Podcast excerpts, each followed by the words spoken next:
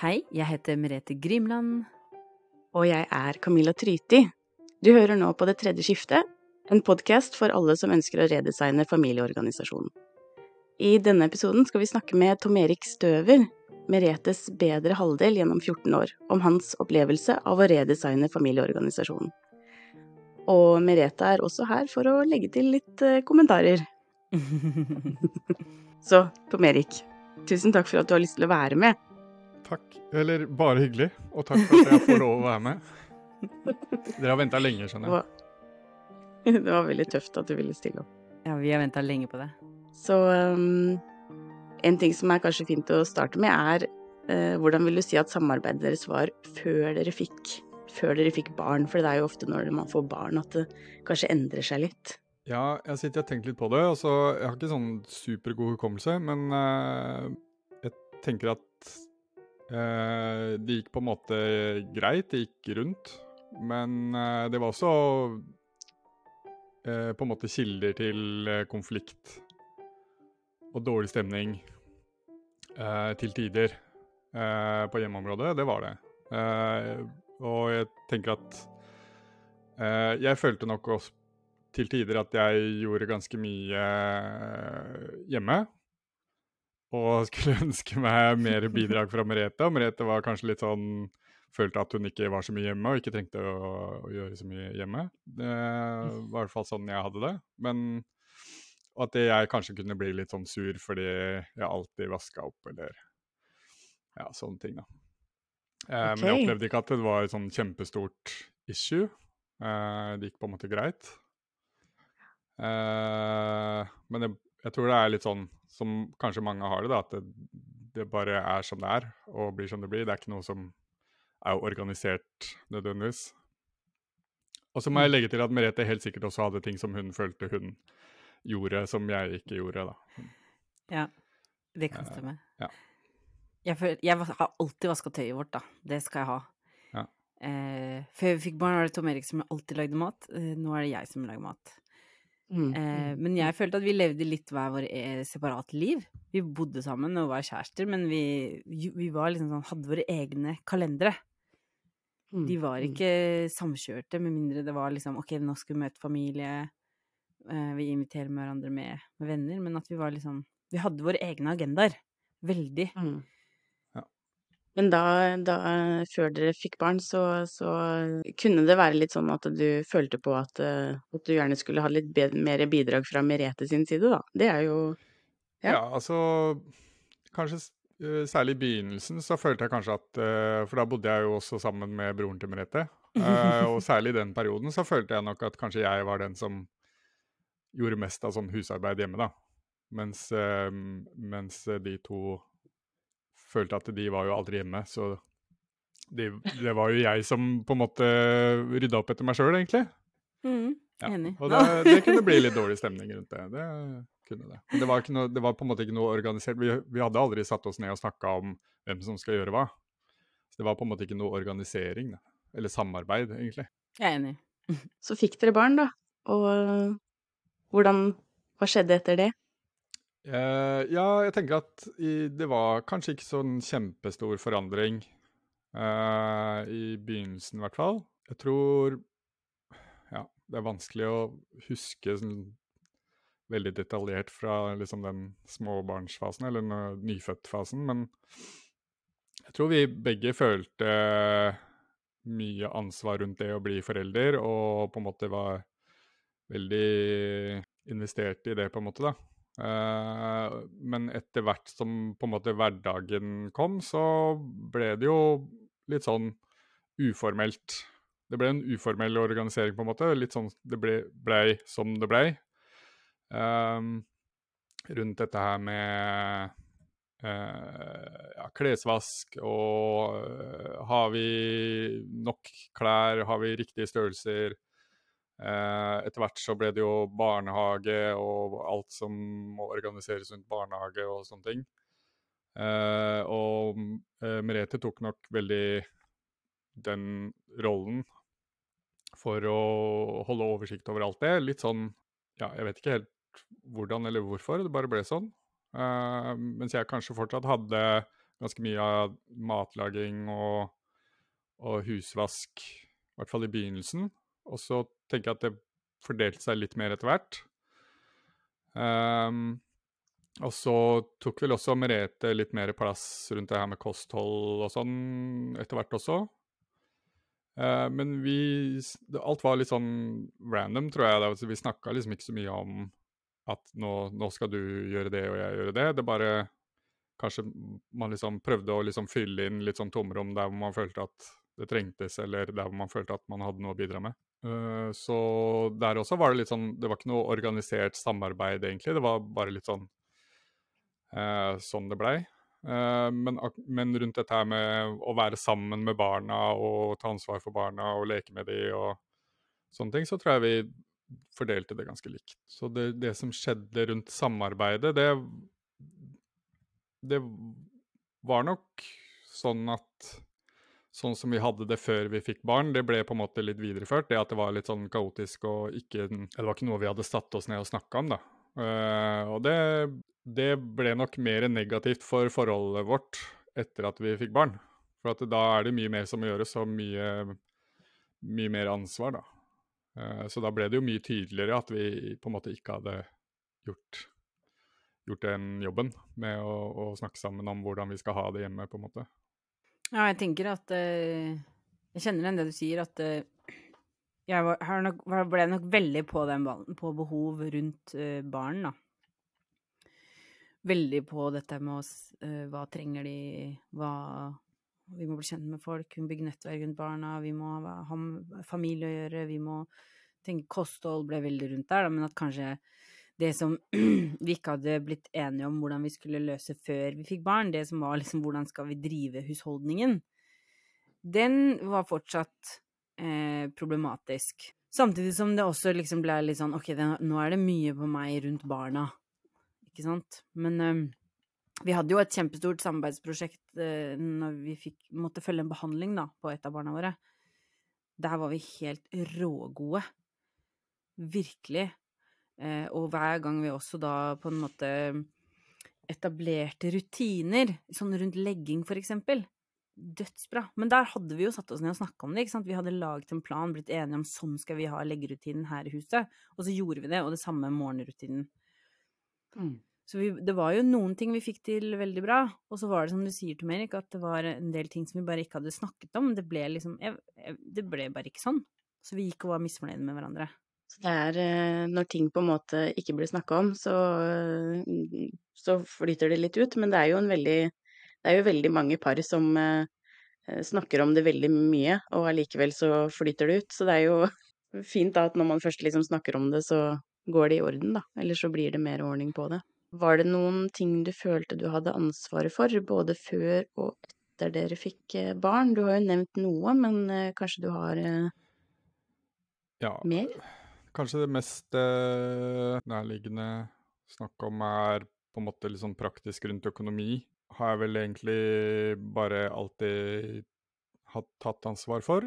Um, på en måte sørge for at vi liksom betaler alt av regninger og har nok penger til å liksom mat og alt det vi trenger, og sparing og, og sånne ting. Og Uh, alt rundt bil og hus og hage og liksom vedlikehold, den biten, liksom, har vel følt et visst ansvar for. Kanskje, i hvert fall sånn som jeg var inne på tidligere, da, i hvert fall på litt sånn emosjonelt nivå, husvask, da. Men jeg skjønner jo at det her reflekterer jo bare min opplevelse da, av det. Jeg har i hvert fall følt at, har, at jeg har hatt den byrden, da. Nå snakker jeg om før vi fikk barn, da, egentlig mest alt dette her med liksom uh, Har vi lyspærer og batterier? Må det males? Uh, må vi bytte liksom terrassebord, eller alt mulig sånn praktiske ting rundt hus og sånn. Uh, etter vi fikk barn, så, så føler jeg jo at, har, at, vi har klart å fordele det bedre og bedre, i hvert fall. da. Men sånn ansvaret for Altså, jeg føler at det på en måte har tatt litt ansvar for noen av de tingene, i hvert fall. Da. Så jeg føler at eh, noen av tingene kanskje har liksom At det har bare blitt litt sånn at eh, jeg har hatt ansvar for det. Eh, om jeg vil eller ikke. Mm. Så ja, i, igjen tilbake til det der at vi hadde jo egentlig aldri satt oss ned og blitt enige om at Tom Erik, du Jo, kanskje økonomi, da. Det, det er kanskje den ene tingen vi har snakket om at, at jeg har ansvaret for det. Uh, og kanskje bilen, jeg vet ikke.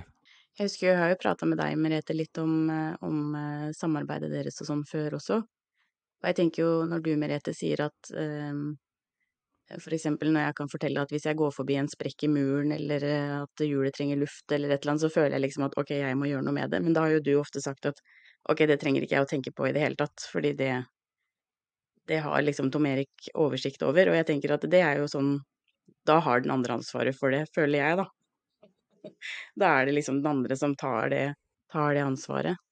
Men samtidig så er det, kan det være litt skummelt hvis det er usagt, i hvert fall. da. Ja, For da, det er jo det. da kan det jo fort være at liksom den som på en måte tar ansvar for det, føler at liksom Ja, jeg må jo ta ansvar for det, for at uh, Merete gjør jo ikke det. Ikke sant? Men det er jo ikke så veldig bra å ha det på den måten. Og Merete hadde jo helt sikkert sånne ting, hun også, hvor hun følte liksom Ja, herregud, jeg må jo bare ta ansvar for det, for at Tom Erik kommer ikke til å gjøre det. Mm. sant? Så det går begge veier, da, ikke sant? når man ikke har Mm. tatt den praten. Så bare blir det bare mer og mer bitterhet mellom oss. Absolutt. Da lurer jeg på hvordan det var med barna. Hadde den ene mer ansvar enn den andre? Min opplevelse er at vi delte veldig likt på eh, i hvert fall omsorgsoppgavene, da. Det å ta vare på, på dem når de var veldig små. Så det er klart det er noen ting som jeg som mann ikke kan gjøre, men, men i hvert fall alle de andre tingene eh, føler jeg at vi, vi prøvde og hadde et bevisst forhold til at vi skulle eh, fordele da, og avlaste hverandre på.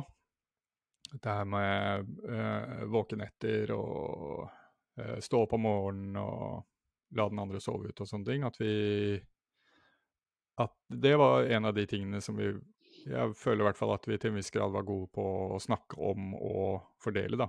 Og så er det alt dette her som er rundt, da, som ikke er på en måte direkte omsorgsoppgaver, men som er relatert til det å ha barn, som jeg tror at eh, Merete nok har tatt ganske mye mer av byrden på enn meg, da. Kanskje særlig med tanke på alt det rundt med barnehage og ja, både fysisk og psykisk helse og, og sånne ting, da. Uh, som kanskje uh, var litt vanskelig for meg å, å egentlig helt skjønne omfanget av før vi begynte å snakke om det tredje skiftet, da.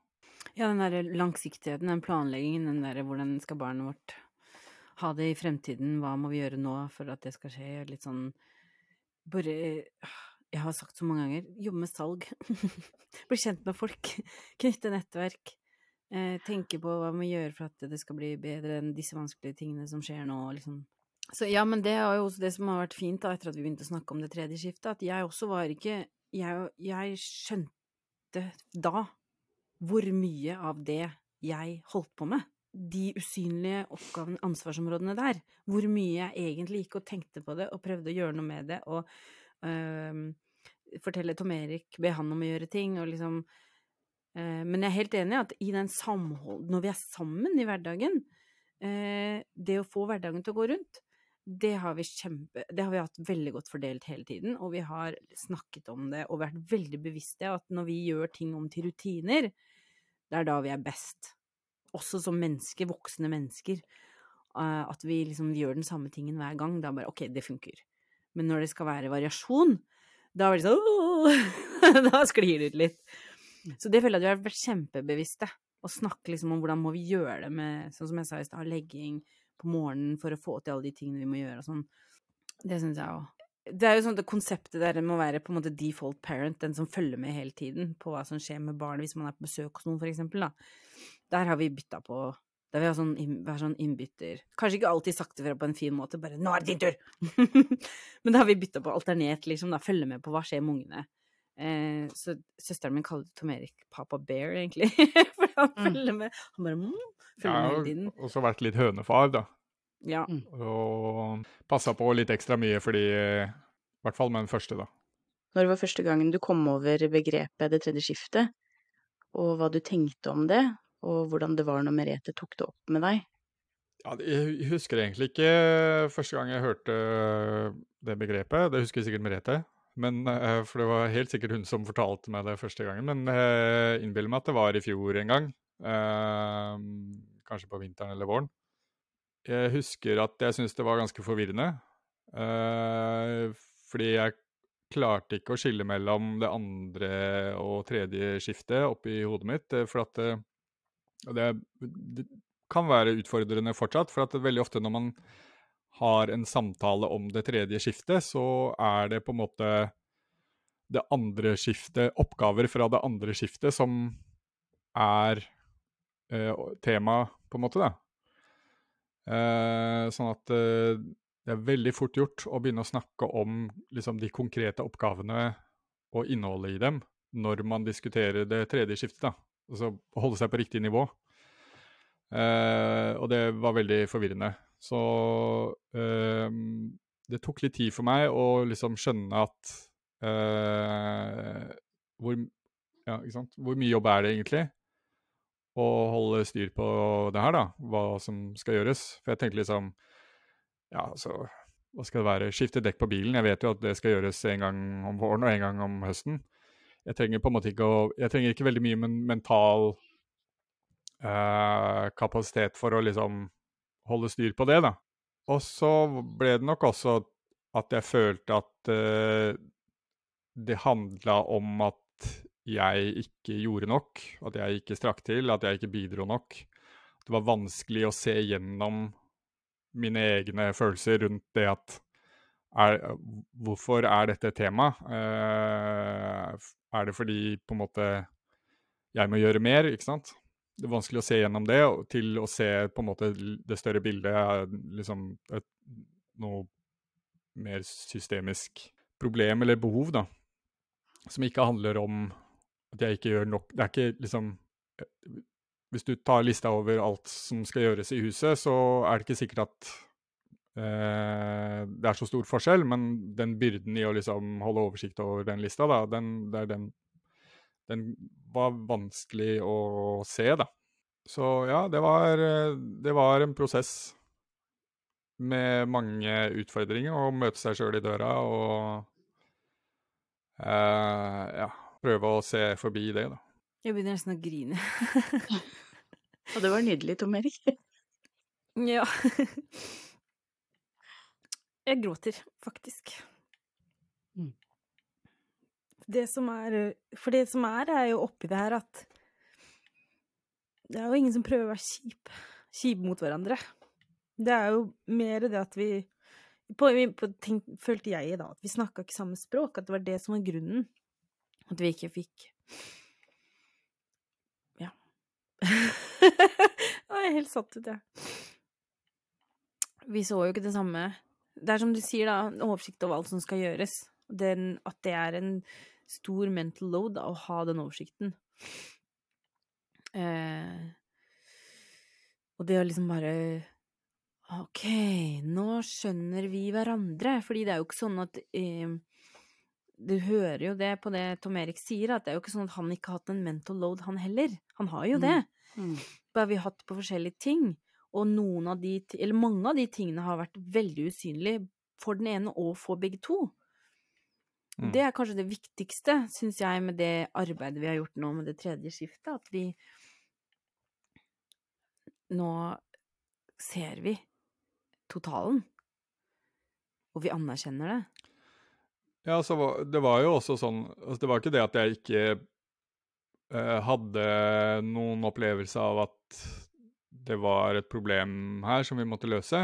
Uh, men det var vanskelig å se at det var akkurat det som var problemet. da, At, uh, at, det, at, det, var noe overliggende. Men jeg følte også på det at liksom uh, Man stadig på en måte jakta Man prøv, prøvde hele tiden å på en måte ta igjen alt som skulle gjøres. Så man kom aldri helt ovenpå. Liksom, hver gang du dro på butikken, så var det egentlig bare for å få tak i liksom nød Altså det vi trengte akkurat nå, fordi nå må vi lage det, og så eh, du hadde jo en slags idé om at dette her er kanskje ikke den mest effektive måten å drive uh, handling på. Eh, men man kom, vi kom liksom aldri helt forbi det allikevel. da, at liksom, Jeg dro jo på butikken nesten hver dag. Og det var stort sett alltid Merete som sa at nå må du dra på butikken og kjøpe det og det og det. Og jeg tenkte å ja, ok, så dro jeg på butikken, og så var det kjempestress. Og så følte jeg liksom at hvorfor er jeg på butikken hver dag? eh, og så ikke sant? Så du går da med en følelse at det er et eller annet som ikke funker helt her, men, men så blir det litt sånn Ja, jeg, det er vanskelig å pinpointe helt hva som er problemet. Da. Jeg føler liksom Ja, jeg, jeg drar jo på butikken hele tiden. Det er jo Ikke sant? Hvorfor kjøpte du ikke bare alt vi trengte på den ene turen? Ja. fordi jeg hadde dårlig tid, fordi det er ti minutter til middagen skal være ferdig. Og, ikke sant? Ja. Jeg må bare kaste vekk spørsmålet hvis dere ikke vil ha det, men jeg bare tenker at oppi alt det her så vil jeg jo tenke at veldig mange også lurer på når liksom Eller hva var det som gjorde at man At dere liksom fikk en litt mer sånn felles forståelse av hva det var for noe? Var det liksom jeg vet jo at Merete har prata litt om det her med å prate om prosjektledelse og, og eh, For å liksom vise på hvilket nivå eh, hun prater på. Så jeg, fordi det høres ut som når du prater at du hadde liksom eh, At du ikke helt i starten forsto liksom forskjellen mellom det, tredje, det andre og det tredje skiftet. Men det må vel da ha vært et punkt hvor du liksom fikk litt sånn Ok, men kanskje det er Nå tror jeg kanskje jeg skjønner hva det handler om. Om det var liksom mm. noe om, om, det er mulig å spørre deg om, om, om du husker eller kan erindre liksom hva, uh, hva som var liksom den uh, som kanskje gjorde det? Jeg vet ikke om det, det. var noe sånn derre uh, eureka-moment, egentlig, men så det var nok litt sånn gradvis, men eh, jeg tror den metaforen med, med jobb, eh, den funka ganske bra for meg. Eh, altså Sammenligne med hvordan er det du har det på jobben. Er det noen som forteller deg hele tiden hva du skal gjøre eh, på jobb? En, liksom på detaljnivå, da, ikke sant? Eller har du oversikt selv? Du vet liksom hva oppgaven er, og hvor eh, Altså team, teamet ditt eller bedriften din, hva, hva dere holder på med, men du organiserer tiden og dagene litt selv. Og uansett om du på en måte hva slags situasjon du er i på jobben, da, så er det så er det en oppgave eller en jobb i seg selv å eh, ha den styringen, da, ikke sant, på hva som skal gjøres til enhver tid, for å få bedriften i den retningen som den skal, da, ikke sant. Eh, og jeg har jo hatt eh, en type jobb hvor jeg har liksom styrt veldig mye av det sjøl. Ehm, og det hjalp meg jo litt i å skjønne liksom at skjønne, altså, hjalp meg kanskje ikke så mye å skjønne liksom, hvor mye jobb det er å holde styr på ting hjemme, men det hjalp meg å skjønne liksom, hva det handler om, da. Og så tror jeg at uh, vi hadde en del samtaler om Vi hadde bl.a. En, uh, en jeg vet ikke, workshop hvor vi satte oss ned og skrev ned alt det vi gjorde. Og alt det vi på en måte følte vi hadde ansvar for. Uh, og så på en måte leste vi opp det for hverandre. Uh, og det også var litt sånn eye-opener for meg, da, å se uh, hvor mye Merete egentlig holder styr på, da. Og hvor stor mental load det er for henne, da, og alt det hun ikke rekker over selv. Nå begynner jeg å grine igjen. ja, jeg skal ikke gjøre det. Unnskyld. Men hvert fall, ja, den, den jobbmetaforen, den, uh, den syns jeg er ganske nyttig, da. Hvis du ikke helt skjønner liksom hva tredje skiftet er, fordi det var vanskelig for meg i begynnelsen. Liksom, hva er egentlig forskjellen på andre skifte og tredje skifte? For at det, det føles, føles, veldig ut som det samme. Det er jo på en måte husarbeid. Men eh, hvis jobben din er å jeg vet ikke, klippe gresset hos folk, så er det fortsatt noen som må holde styr på liksom, hvem skal vi klippe hos i dag, liksom. Eller eh, eh, skal vi kjøre dit først eller dit først, fordi det er mest effektivt, ikke sant. Mm. Så hvis det eneste du gjør er å gå på jobben og se liksom på lista, ok, nå skal jeg kjøre dit, ok, da har du en annen en som holder styr på den lista, da. Og det er en jobb i seg selv. Så mm. Ikke sant. Ja, det var nydelig. Det er jo akkurat sånn, ja. Ja, ja ikke sant? Ja, og så blir det det her med kompetanse, tenker jeg da. Nå, nå, nå, svarer jeg jo på en måte på et spørsmål som du har fått da, Tom Erik. Men eh, for meg også så har det her med å kalle ting kompetanse. Du sier at du vet Altså, det, å, hvorfor, det er ikke noe å tenke på om jeg skal skifte dekk på bilen. Det skal jeg jo bare gjøre på våren og på høsten, og det vet jeg jo. Men hvis jeg skal ta over den ansvaret for bilen, så har jo ikke jeg den kompetansen fra før jeg skal klare å få det, men jeg må, erve, jeg må, få den på et eller annet vis. Enten få opplæring fra deg, eller finne på et annet vis. For at det, ja, la oss si jeg plutselig var alene, da, ikke sant. Da må jeg finne på et eller annet vis. Men jeg har ikke den kompetansen akkurat nå. Eh, så du gjør jo det tredje skiftet når det gjelder bilen også, det er bare at det er så tacit knowledge, da. Den er der uten at du vet at du har erverva den engang, nesten. Mm. Eh, så du bare gjør det på autopilot. Og så tenker du ikke over at du tar faktisk den prosjektlederjobben. Det er bare at du er så god på den. Mm. At det er, ikke, det er ikke noe effort lenger, hvis du skjønner. Så jeg tenker at også det der om å snakke om ting som kompetanse, da, sånn som når jeg da har sittet og lest og prøvd å finne ut av og snakket med masse fagfolk om mental helse for barn, ikke sant, så er det jo en kompetanse jeg har ervervet, jeg har gått aktivt inn for å få. Mm. Det er jo litt samme eh, tilnærmingen som på jobb, da, ikke sant. Er dette din kompetanse, eller er det en kompetanse du kan få. Og så er det jo ja, det er jo lett, liksom, Hvis man skal tenke på kjønnsroller, da, så er det lett å falle inn i den at mannen på en måte ofte litt sånn u, uh, uorganisert eller ubestemt tar ansvar for de liksom mer sånn praktiske, håndfaste, konkrete tingene, som liksom skifte dekk på bilen. Det er veldig lite som kan gå gærent da, med det. Uh, det er liksom bare få det gjort. Enten om du gjør det sjøl, eller kjører bort på liksom, lokale dekkskiftesjappa og betaler noen for å gjøre det, mens du sitter og tar en kaffe. Så det er liksom Det er veldig ukomplisert, da, mye av det jeg tenker vi menn tar ansvar for. Eh, mens kanskje da det faller veldig naturlig i en del forhold at eh, dama tar ansvar for alt som har med følelser å gjøre, som er liksom litt mer komplisert og litt mer skummelt for menn. Det gjør også kanskje at det blir litt sånn ubalanse. Fordi at det er en større mental byrde, da. Krever mer eh, av en selv enn det å sørge for at eh, man får vinterdekk på bilen.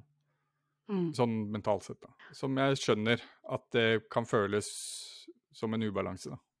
Ja, for hvis det da er den ene som sitter med mye av uh, disse tingene som de må lære seg, da, så blir det jo uh, i hvert fall en opplevelse jeg fikk også, at den da må innhente så veldig mye kompetanse at den sitter og gjør det liksom nesten konstant, i hvert fall i perioder som kanskje permisjonstiden, eller når det er skolestart eller barnehagestart, eller når det er liksom sånne nye ting man skal lære seg, så det er liksom konstant Eh, arbeidsmengde som man må sitte, liksom, sitte på skolebenken da, hele tiden, spesielt hvis det er den ene som gjør mye av det. da. Hvordan eh, syns du samarbeidet er hos dere nå? Jeg syns det er mye bedre. Vi er ikke i mål, men mm. vi har liksom fått orden på de viktigste tingene, føler jeg. Der hvor det har vært mest belastning. Og det tenker jeg gjelder både for Merete og meg, da. Vi har liksom vi har tydelig definert eh, hva ansvaret er, og liksom hva som er bra nok, på en måte. Fordelt det. Det er ikke noe tvil om hvem som har jobben. Eh, og det fører til mye mindre dårlig stemning og krangling, helt klart. Um, det kan fortsatt være litt surt hvis den andre påpeker at liksom Du, er ikke det her jobben din, egentlig? Hvorfor har ikke det kan Men jeg tror også det går uh, begge veier, da. Kanskje man føler det samme andre veien, men OK, hvis du påpeker det jeg ikke har gjort, så skal jeg påpeke det du ikke har gjort. Men ja, men det blir, kan bli det. Men alt i alt så tenker jeg at det er mye bedre enn det sånn det var før. Hvor det liksom mm. Ja. Og så tenker jeg at største forskjellen kanskje for meg er at eh, det er ikke sånn i samme grad at man føler han går og gjør ting som den andre egentlig burde ha gjort. Nå går jeg og gjør det her, men jeg føler egentlig at Merete burde gjort det. Mm. Uh, kanskje før så sto jeg og tok ut av oppvaskmaskinen, så kunne jeg tenke hvorfor kan ikke Merete for en gangs skyld ta ut av oppvaskmaskinen mens jeg står og tar ut av oppvaskmaskinen? Det er ikke noe hyggelig ting å stå og tenke eller føle. Mm. Men det gjør jeg ikke lenger, for at det, det er jobben min. Oppvaskmaskinen. Mm. Eh, men det er også innafor å spørre, ikke sant. Merete, nå er det litt mye, nå er, kan du være snill å ta oppvaskmaskinen i dag? Mm. Og det er også helt greit. Men jeg må ta det ansvaret og spørre om det. Jeg kan ikke bare forvente at det skjer, fordi hun ser at jeg trenger det, eller altså, det er, det er bare kommunikasjon, egentlig. Så det er mye mindre sånn åh, nå må jeg gjøre det igjen. Det er mindre friksjon. Og vi, vi holder på innafor hver våre områder, og så fungerer det mye bedre. Og det er jo ikke, det er ikke sånn at vi har radikalt endra hvem som har ansvarsområdene. Vi har jo fortsatt veldig mange av de samme, men nå er det opplest og vedtatt, og det er anerkjent, og vi er klar over liksom at oi, dette her er faktisk en jobb, det her også. Mm. Eh, og noen ansvarsområder så har vi blitt enige om at der kan vi, den som har ansvaret, liksom bestemme. Dette er det jeg foreslår skal være, eller ikke bestemme, da, men komme med forslag om at dette er det eh, jobben består i, og dette er det som er bra nok. Er du med på det? Ja, greit, da gjør vi det. Mm. Ja, så det var jo jeg som gjorde det mest før også, mest på kjøkkenet, liksom. Oppvask og holde det rent på kjøkkenet. Men, men på en måte før så kunne jeg ofte ta meg sjøl i å liksom tenke at åh, nå må jeg gjøre det igjen. Mm. Men nå gjør jeg det, og det Og Merete kanskje øh, gjorde mesteparten av klesvasken før, men hun kanskje gikk og tenkte mye at liksom Å, kan ikke Tom Erik for en gangs skyld ta litt klesvask? Ikke sant? Så vi gikk og følte de samme tingene på hver våre områder, da, ikke sant? men nå har vi på en måte rydda litt opp i det. Og så Før så kanskje Jeg var alltid den som var på butikken for å kjøpe brød og melk. Eh, men jeg følte liksom at det alltid var som en slags eh, respons da, på et behov Merete hadde. Mm. Mens nå er det liksom, nå vet jeg at det er mitt ansvar å sørge for at vi alltid har nok brød og melk og pålegg. Eh, Merete skal ikke tenke å trenge å liksom gå i fryseren og, og ikke finne brød. Mm. Og liksom rope til meg liksom, 'Nå er det tom for brød, nå må du stikke på butikken.' Ikke sant? Mm. Da sørger jeg for at det alltid er brød i fryseren. Og det er, veldig, det er mye enklere for meg enn å liksom bli kommandert rundt, da. For da kan jeg gjøre det når det passer meg. Ja, det du sier nå syns jeg er et så veldig viktig poeng, fordi det har vi prata om en del her hjemme også, det er hva er egentlig fordelen da, ved å eh, komme opp et nivå og, og komme opp i ledergruppa på en måte da, i familieorganisasjonen. Og det er nettopp det du sier nå, tenker jeg er en av fordelene, at da kan du liksom styre dagen din mer selv, og du har mer fleksibilitet, du kan gjøre ting når du ønsker å gjøre det, fordi du har oversikten, og du uh, setter opp din egen timeplan, så det er ikke sånn at på en søndags uh, formiddag uh, klokka ti, liksom, så får du beskjed om at nå må du gå ut og vaske huset, liksom. det er sånn, da har du Du har styr, styringa på det, og du legger det opp sjøl. Det syns jeg er en sånn treat av å eh, ta ansvar. Og det er jo sånn jeg liker å ha det på jobben også. Jeg hater å bli fortalt hva jeg skal gjøre til enhver tid. Og jeg hater å bli detaljstyrt på jobben. Eh, Derfor er jeg så heldig å ha en jobb der hvor måte, jeg styrer veldig mye av arbeidshverdagen selv. Innafor rammene av hva det er vi prøver å oppnå. Men det å kunne disponere sin egen tid, da, Mm. det er viktig for meg i hvert fall. Mm. Og så er det kanskje noen liker å bli fortalt hva de skal gjøre hele tiden, men da må man også være bevisst på at det er jo en, også en mental oppgave å fortelle noen hva de skal gjøre. Mm. Så det er to sider av den saken. Da, ikke sant? Du kan ikke bare forvente at noen skal fortelle deg hva du skal gjøre hele tiden, uten å ha en bevissthet rundt at noen må faktisk fortelle deg det. Mm. Og at det er en, en, ehm, en jobb i seg selv. Da. Så Mm. det kan godt være at, noen, at det funker for noen, at de blir enige om at ja, så hos oss gjør vi det sånn at eh, for meg så funker det veldig bra å ha hele den, det på en måte ansvaret og, og finne ut av hva som skal gjøres, og for den andre så funker det veldig bra å bare gjøre det man får beskjed om. Men da må man på en måte være enig om det, da, at det er det som funker for, for oss, på en måte. Man kan ikke Mhm. bare gjøre det Ja, bare la det fordi det funker gå. for meg. Kan ikke Mm. bare si 'er det så vanskelig', da, og bare si til meg hva jeg skal gjøre. hvis du ikke syns det er så vanskelig, så må det jo være minst like uvanskelig å bare gjøre det selv. Mm. Mm, akkurat det. Og Merete sier at jeg må ta opp ansvarsområdet date night og romanse. Så lurer jeg på, har du noen tanker om hvorfor det, Tom Erik? Ja, det er vel fordi det er mitt ansvarsområde, da. Nei, det er jo som med alt annet, da. Når man har det travelt og har små barn og tidsklemma og sånn, så, mm, så må det også planlegges. Og eh, ta vare på relasjonen, da. Kjæresteforholdet. Og noen må gjøre det. Det ikke, skjer ikke av seg sjøl. Og det var vi vel egentlig ganske enige om at det, det skranta litt på den fronten. Og så tenkte jeg at oi, shit, hva skal jeg finne på, liksom? For vi ble enige om at da skulle jeg gå og tenke litt på ok, hvordan skal vi ha det på det området, da. Så jeg ante ikke helt hva jeg skulle gjøre, var litt sånn lost. Så jeg endte opp med å invitere til en workshop, da. Og så hadde vi litt brainstorming med hva vi hadde lyst til å gjøre når vi skulle være sammen som kjærester. Eh, og så kasta vi litt sånn ideer rundt, og så landa vi på noen ting som vi liksom hadde til felles. Og så basert på det så inviterte jeg til noen date nights med litt sånn forskjellige ting som vi hadde kommet fram til, da. Uh, og det var både liksom romantisk middag, eller eh, liksom finne på noe gøy, eller uh, noe litt mer spicy. Eh, og det var funka veldig bra. Vi hadde noen kjempekoselige kvelder sammen, hvor vi liksom fant litt sånn tilbake til hverandre igjen, tror jeg. Mm. Eh, og så har det vært litt teknisk uh, nå i mai, da. Eh, men det er noe som jeg tror vi er enige om at vi skal gjøre mer av.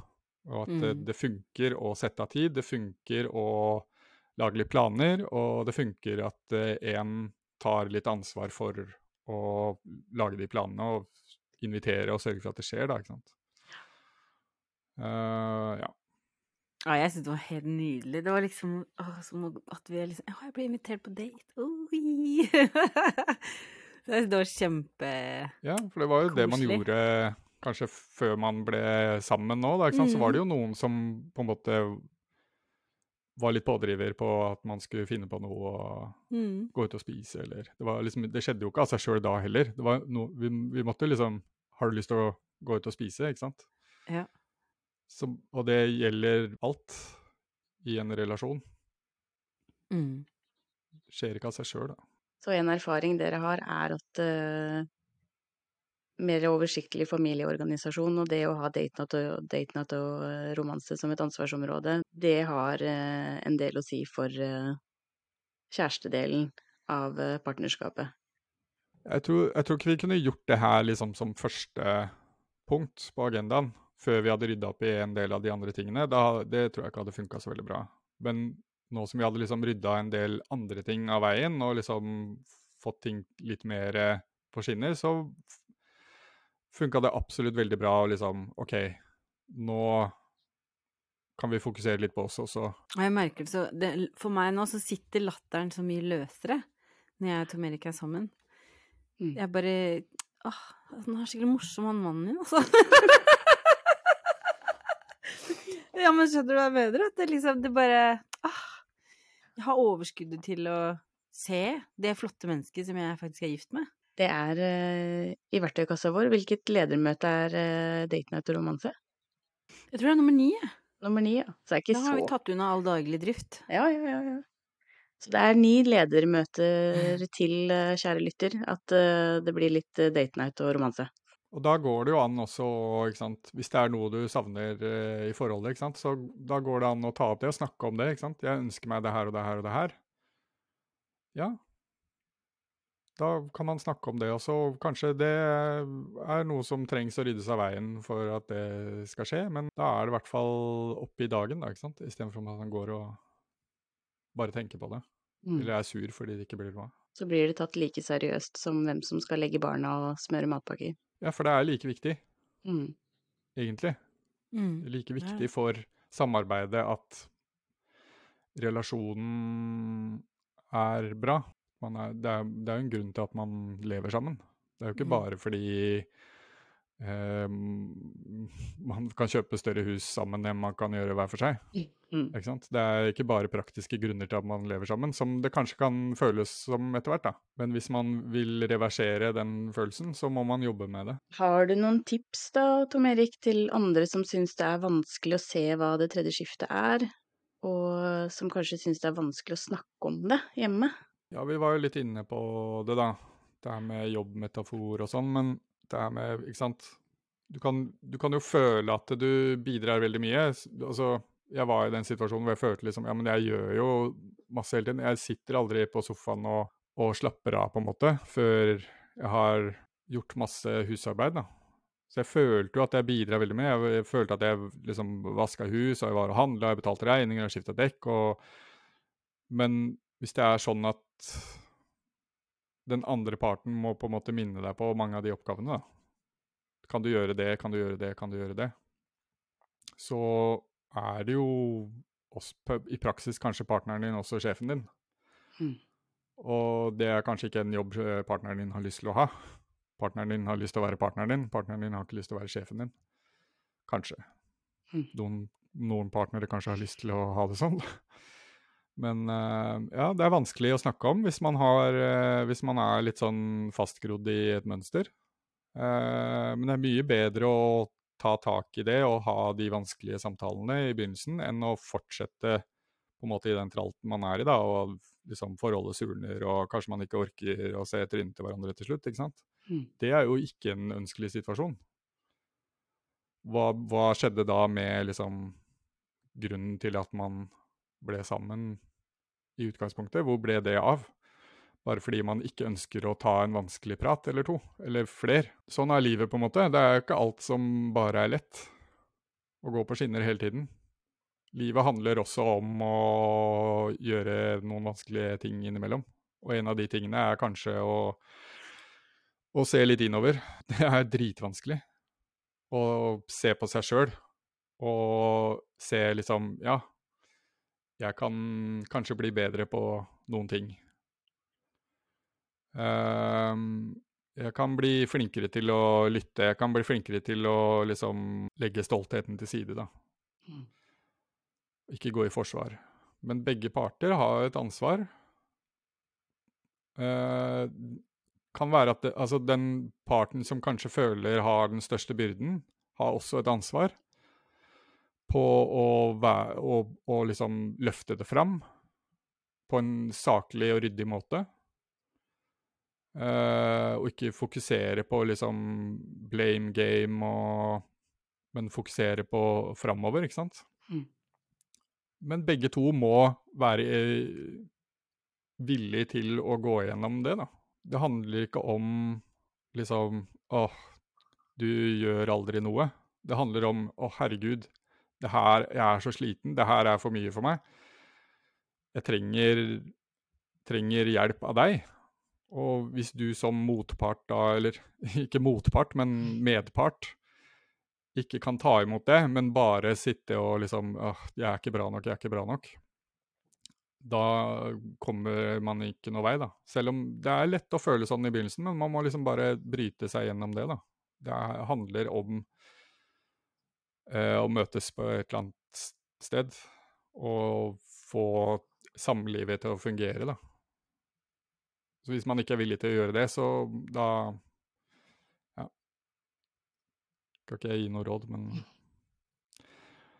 Eh, og så er det litt sånn, kanskje litt sånn kontroversiell brannfakkel, men jeg tenker også at eh, det kan være noen menn der ute som kanskje må innse at eh, de har blitt voksne, og ikke lenger er eh, ungkarer som bor hjemme hos mamma, som ordner alt for seg og tenker på alt.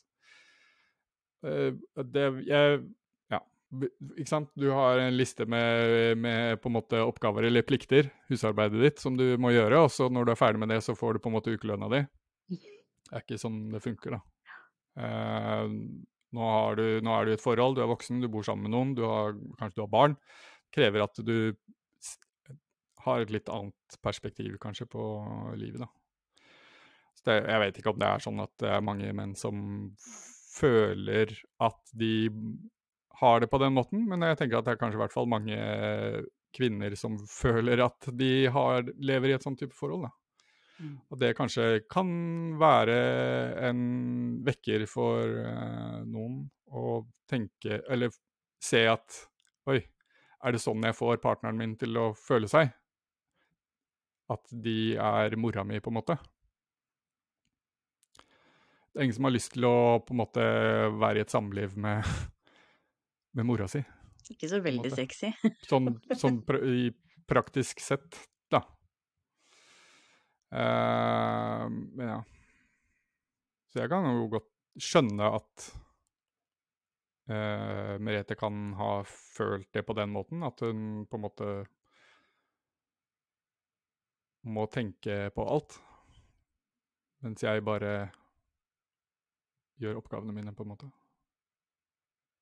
Så det er jo en ubalanse i i relasjonen der. Jeg, jeg føler jo kanskje ikke at jeg er sånn supertypisk eh, mannemann, eh, hvis det er noe som heter det. Liksom Jeg er ikke ute og eh, drikker øl på puben og ser på fotball og Hvis det er en definisjon på hva det er å være mann, da, jeg vet ikke. Men ja. Jeg Og jeg kan Jeg skal heller ikke si at de som er det, eh, er spesielt uansvarlig hjemme. Så det blir litt sånn generalisering, da. Men, eh, men jeg tenker jo at det, kanskje det er noen som eh, tar litt lett på det å være, være i et samliv med barn og alt det har å si, med alt som må gjøres, da. Mm. Om det er noen sammenheng med liksom, hvor ofte man er ute på puben, det, det blir litt sånn flåsete av meg å påstå. Men Er det noe mer du føler, Tom Erik, at du har på hjertet? Nei, ikke annet enn at uh, det er uh, Det er ikke lett å på en måte se innover på sine egne eh, ja, feil eller svakheter eller skavanker. Men noen ganger så kan det være nyttig å være åpen for at eh, ting kan bli bedre, da. Og at det, det er ikke alltid den andre parten sitt ansvar eh, å forbedre relasjonen eller forbedre hvordan ting funker hjemme. Eller det er aldri den andre parten sitt ansvar alene. Det er begge to sitt ansvar, og da må man se på seg sjøl også. Ikke bare peke på hva den andre skal bli bedre på. Og det, tenker, det gjelder jo altså den andre parten også i det her, da. Mm. Det går begge veier. Ja, ikke sant. Så jeg tenker det med å ha, få barn også ja, Nå er vi liksom kanskje på siden av hva som egentlig er temaet her, da, men det å få barn så tenker jeg også at kvinner kanskje veldig fort går inn i den rollen hvor liksom Jeg kan dette bedre. Eh, Dette med å være mamma, det er på en måte intuitivt, og det faller naturlig for meg, sånn at eh, jeg vet best.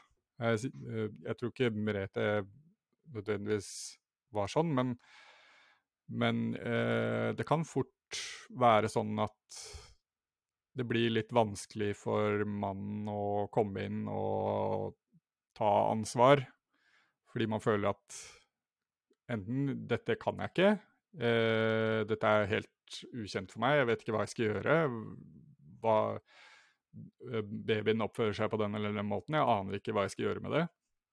Det er litt sånn ukjent og skummelt. Mm. Eh, og, men også at mammaen da kanskje kommer inn og liksom Nei, vet du hva, dette her kan ikke du, så jeg tar meg av det. Og så blir det litt sånn det blir, da. Mm. Så det kan jo også være bra å ta den praten på forhånd før man får barn, og liksom hvor, øh, Hvordan skal vi egentlig fordele det? For jeg tror mange menn ønsker å ha en mye mer aktiv rolle. En mye mer aktiv foreldrerolle eller omsorgsrolle, da, men kanskje de eh, ikke tør å ta den plassen, ikke tør å be om den, eller kanskje Ja, Mm. nei, jeg vet ikke. Det her ble helt på siden Nei, siden men jeg av synes du har et, egentlig. eh, godt eh, poeng. Nei, det er veldig relevant. Det er et veldig, Mm. veldig godt poeng, fordi det er jo Samfunnet også eh, skriker jo veldig ut at eh, mor og morsinstinkter og mor og barn og Så man kan jo føle seg veldig mm, Hva kan man si? Jeg, jeg vet dette, jeg har båret barn i magen, og jeg ammer, og jeg Um, Så jeg syns det er et godt poeng det med også at uh, man som kvinne og mor kan være litt ydmyk.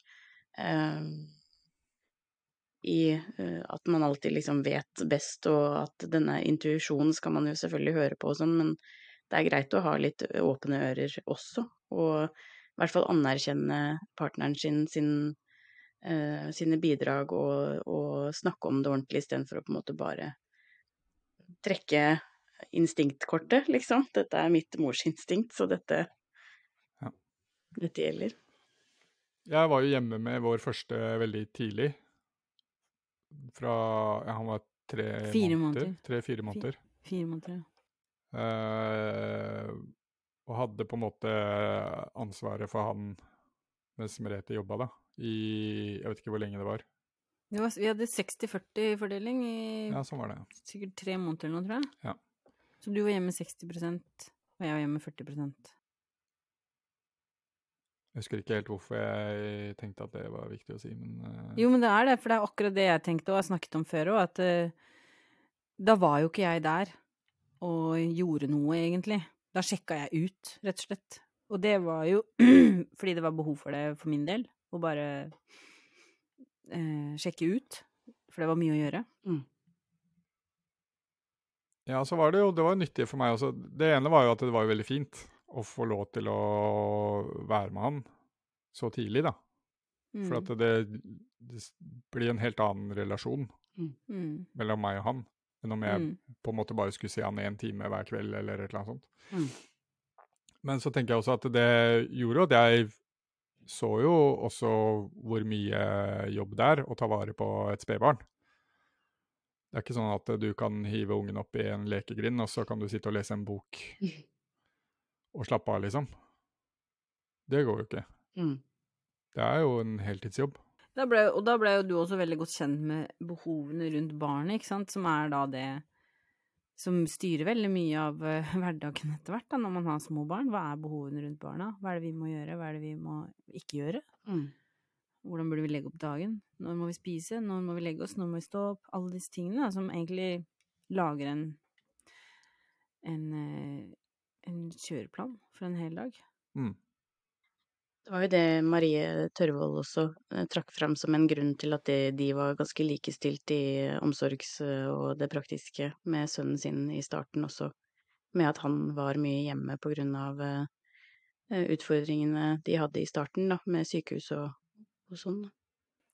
Da blir man veldig, blir veldig tett på behovene. Ja. Mm. Så en oppfordring til alle pappaer, eller de som skal bli pappaer, da. Ta, ta permisjon. Yes. Det er eh, det, det, det er liksom Mange tenker kanskje liksom er det er upraktisk, eller det passer ikke så bra med jobb eller karriere eller økonomisk eller et eller annet sånt. Men uh, det er verdt det. Uh, og med nummer to så Det var litt dustete ting å si, da, for med nummer to så hadde jeg ikke anledning til det. Dessverre. Men uh, Ja, det var da- min feil, da. kjen- kjente jeg virkelig på det savnet, da. På at jeg skulle Mm. ønske jeg fikk den nærheten som jeg, hadde, som jeg da fikk med den første. Mm. Men gjør det. Ikke, ikke skyld på andre ting. Hvis du har muligheten til det, så ta permisjonen så mye som mulig. Gjerne 50-50. Mm. Det blir, en liten, det blir en liten digresjon, da, men jeg hadde jo eh, ikke tjent nok penger til at far hadde rett på foreldrepenger. Mm. Mm. Så det var skikkelig kjipt for oss Mm. at uh, Tom Erik ikke fikk tatt den permisjonen, og det sørga vi over begge to. Så det er jo en sånn Det er jo på en måte en um, side note til, til, til uh, hvordan den ordningen er. Jeg vet ikke helt åssen den er nå, men den er sikkert lik. Hvis ikke mor har rett på foreldrepenger, så har ikke far det heller. Det er helt dustete. Mm. Ja, ikke på den felles perioden, i hvert fall. Mm. Så ja, jeg er enig. Ta, ta den eh, permisjonen, altså. Den er så viktig. Bli kjent med bar til å bli kjent med barnet. Mm. Ja. en liten oppsummering, så hører jeg jo at Tom Erik sier at uh, før dere fikk barn, så, så uh, opplevde han at uh, han gjorde mye hjemme, og gjerne skulle hatt med deg og broren din litt, litt mer. og at etter dere fikk barn, så, så var det fortsatt litt det samme, men da begynte det å fordele seg litt mer. Um, men at det kanskje utvikla seg litt at um, du, Merete, tok kanskje mye av det her usynlige, emosjonelle ansvaret rundt barna. Og så prata vi jo litt om hvilke ansvarsområder du følte du hadde, Tom Erik, før og etter, med økonomi og bil og, og husvask. Um, og at um, da vil jeg jo si Du sa du tenker du hadde ansvar for det, men ut ifra hva jeg prater med Merete om, så virker det jo som om det var noe du tok fullt og helt ansvar for. Ja, og så prata du jo om at uh, det var litt utfordrende å forstå begrepet det tredje skiftet først, fordi det var litt vanskelig å skille mellom det, det andre og det tredje, og at det, det glei litt over i hverandre og var litt vanskelig å prate om det ene uten å tenke på det andre. Vanskelig å prate om det tredje skiftet uten å prate om det andre, tenke på det andre skiftet. Eh, men at eh, det her med å se det litt i samme Eller se det litt eh, på samme måte som jobben, at der er det jo ikke bare sånn at du gjør oppgavene, du må jo organisere og administrere dem også. Du klipper ikke bare gresset, men du må jo også vite hvor og når og hvem som skal ta hva. Mm, og at det her med å ha en saklig tilnærming til utfordringen, at du tenker det er en eh, lur måte å gjøre det på. Jeg vet også at dere har snakka mye om å se på det som et system, at det er en eh, utfordring eller en feil i systemet, ikke med personene. Man må ikke liksom gå si du gjør ting feil, men det er noe som skurrer litt hos oss, da.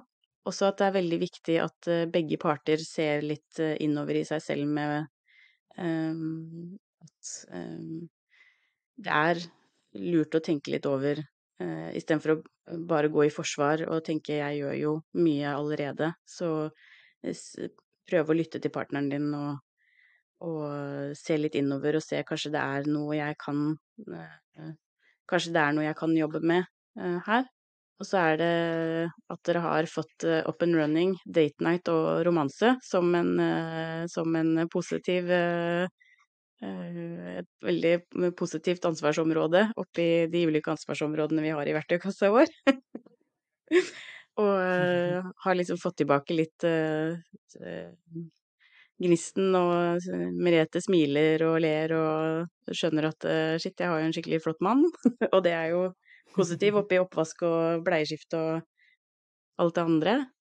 Og så er det På slutten hører jeg at du også Um, har liksom den tanken om at det er veldig viktig å med selvinnsikt. Det er veldig viktig å ta med seg selvinnsikten inn i inn i diskusjonen og se at du ville uh, utdype det litt uh, ekstra som en viktig viktig uh, del av reisen av å få til et godt samarbeid hjemme. Jeg tror er det noe mer som, eh, som jeg ikke fikk med meg, som, eh, som eh, Jeg hadde bare lyst til å nevne Jeg kom til å tenke på det her med den metaforen med jobben og arbeidsplassen. Altså, det her er jo Jeg har i hvert fall vært gjennom det mange ganger på jobben. Altså, dette er prosesser som foregår på arbeidsplassen også. Det er ikke bare hjemme. Man snakker om hvordan skal vi gjøre det hos oss? Hvordan skal vi organisere oss? Mm. Hvordan skal vi fordele oppgaver? Det kommer litt an på arbeidsplassen, da, men, men uh, veldig mange bedrifter har veldig aktive prosesser rundt dette her med å liksom forbedre kommunikasjon. Det er ikke uten grunn at det er noe som heter teambuilding på arbeidsplassen. Mm. Det her handler jo om eh, hvordan samarbeider vi, og hvordan snakker vi sammen. Så det er for meg så har det jo blitt litt sånn åpenbart at ja, selvfølgelig trengs det hjemme også. Det er jo litt sånn Og så hadde jeg lyst til å si dette med Nei, jeg skal ikke si det. Jo, si det. Jo, du skal si det. Nei, jeg jeg Si snakker det. så mye. Jeg kan, nu, si det, si det, si det. Nei, jeg tenker at det er vanskelig eh, å snakke om følelser, kanskje særlig for menn.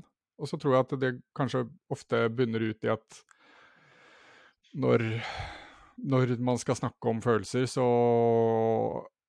blir det ofte Følelsen misnøye dukker ofte opp, da. At man føler at man føler at um, liksom, du gjør ikke nok, eller jeg føler at uh, du må uh, gjøre mer, mer, gjøre mer sånn, eller mye mer sånn. At uh, kanskje det er litt sånn grunnen til at det er vanskelig for mange menn. At uh, man unngår den, den følelsespraten fordi det ofte ender opp i noe negativt eller noe kritikk av meg. Uh, så tenker jeg at ja, man må kanskje bare se litt forbi det, da. Men det er kjempebra, men det, det du sier nå også, tenker jeg er en oppfordring til partneren som tar det opp også. At man som partner, når man skal ta opp det tredje skiftet med partneren sin, er bevisst at det kan være følelsen partneren din sitter med, og at du da eh, tenker litt over da hvordan du legger frem eh, budskapet ditt, og hvordan dere jobber med det. Vi har jo også eh, tips til det i verktøykassa vår, eh, for å på en måte skape en eh, så trygg som mulig eh, grunn for begge to å starte denne samtalen på, hvor ingen skal liksom føle seg attakkert, eh, eller eh, i hvert fall i minst mulig grad, da, eh, kjenne på liksom følelser av at jeg er ikke bra nok, eller jeg gjør ikke en god nok jobb. Ja, altså, Det er jo greit å anerkjenne hverandres følelser også, men så må man jo også komme videre, da, ikke sant. Og da tenker jeg det er veldig nyttig å bare se på det her som eh, en organisasjon, da. Det er noe vi må Det er en oppgave som vi må løse. Hvordan organiserer vi oss? Og så gå litt sånn praktisk til verks, da. Prøv å ikke føle så mye i akkurat den prosessen. Selv om du føler kanskje at liksom Ja, men jeg gjør jo sånn og sånn. Ja, men jeg har jo gjort det i alle år. Uh, og må vi snakke om det her igjen, liksom? Eh, jeg håper i hvert fall ikke at jeg har forholdt meg til de problemene på den måten, da, på jobben i hvert fall. Mm.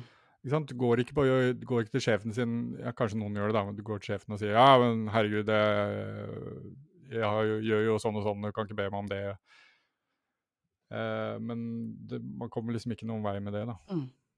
Men også denne, også jeg bare tenkte sånn i oppsummeringen, ta med en sånn konkret tips. Tom Erik tar jo opp det han også, som jeg har tatt opp før, den derre skriveseansen vi hadde, hvor vi skrev ned alt vi opplevde at vi hadde ansvaret for, og så leste vi opp på hverandre. Mm. Det var jo også en åpenbaring for meg, Mm. ikke sant? At uh, vi sitter og har en uh, opplevelse av ansvaret for uh, ting begge to, men det er også et veldig tydelig skille på hva vi oppfatter er våre ansvar. Mm. Ikke sant? Så det at, og det at ikke Han er ikke like engasjert i mine ansvarsområder som jeg er i altså, Og jeg er heller ikke så engasjert i hans ansvarsområder. Men vi savner det likevel fra hverandre. Mm. Liksom bare det å se det. Bare å, shit. Det var bra. Mm. Så det er jo et veldig konkret tips, da, tenker jeg, som eh, kan være bra å ta, ta med seg. Løft det, få det fram i, i lyset, på en måte. Alt eh, det man føler og tenker på. Og så må man gå videre. Ja, sånn har jeg det, og sånn har du det. Og så, OK, hva gjør vi nå? Hvordan skal vi få det her? For vi vil jo være sammen. Så eh, man må ha det som premiss, da, i hvert fall. At eh, dette er en relasjon vi ønsker å på en måte bevare og, og, og nurture, på en måte. Da. da må man jo Da må man spørre seg OK, hva gjør vi nå? Hvor går vi videre? Og så- og så gi hverandre den forståelsen for at liksom, ja, OK, det er sånn jeg har det, og det er sånn du har det. Og så er det kanskje ikke nødvendigvis trenger ikke å være samsvarende. Altså min opplevelse av ting trenger ikke å være stemme overens med din opplevelse av ting. Så lenge på en måte jeg kan skjønne at ja, det er din opplevelse, og du skjønner at ja, det her er min opplevelse. Da sier jeg OK, hvordan, hva gjør vi nå videre for at vi skal leve godt sammen, da? Mm. Jeg tror nesten vi må ha med deg på en episode til, jeg, Tom Erik, en eller annen gang. Ja. Ja. Nå må jeg pusse litt på manuset til neste gang. Nei, men det var kjempe flott, Erik. Er det, er det noe mer Er det noe mer du ønsker å ta med? Nei, du må ikke spørre om det er noe Nei. mer, for da bare begynner jeg å snakke Ok, igjen, og så blir vi aldri ferdig. Nei, men det var kjempe, kjempefint. Tusen takk for at du um, stilte opp her. Det tror jeg er veldig viktig og fint, så tusen Takk Takk for at dere ville ha meg med. Jo, selvfølgelig. Tusen takk. Så vil jeg bare si til dere som hører på, at hvis dere vil ha verktøykassa vår med alt vi snakker om, eller bare støtte oss som eh, bedrift, så vi kan jobbe videre med å forebygge samlivsbrudd, så kan du gå til nettsiden vår og finne den der. Så um, lurer jeg på om vi da avslutter med å si at husk at partneren din vil deg vel. Det er alltid et fint eh, utgangspunkt. Og så sier vi takk for nå, og ha det bra.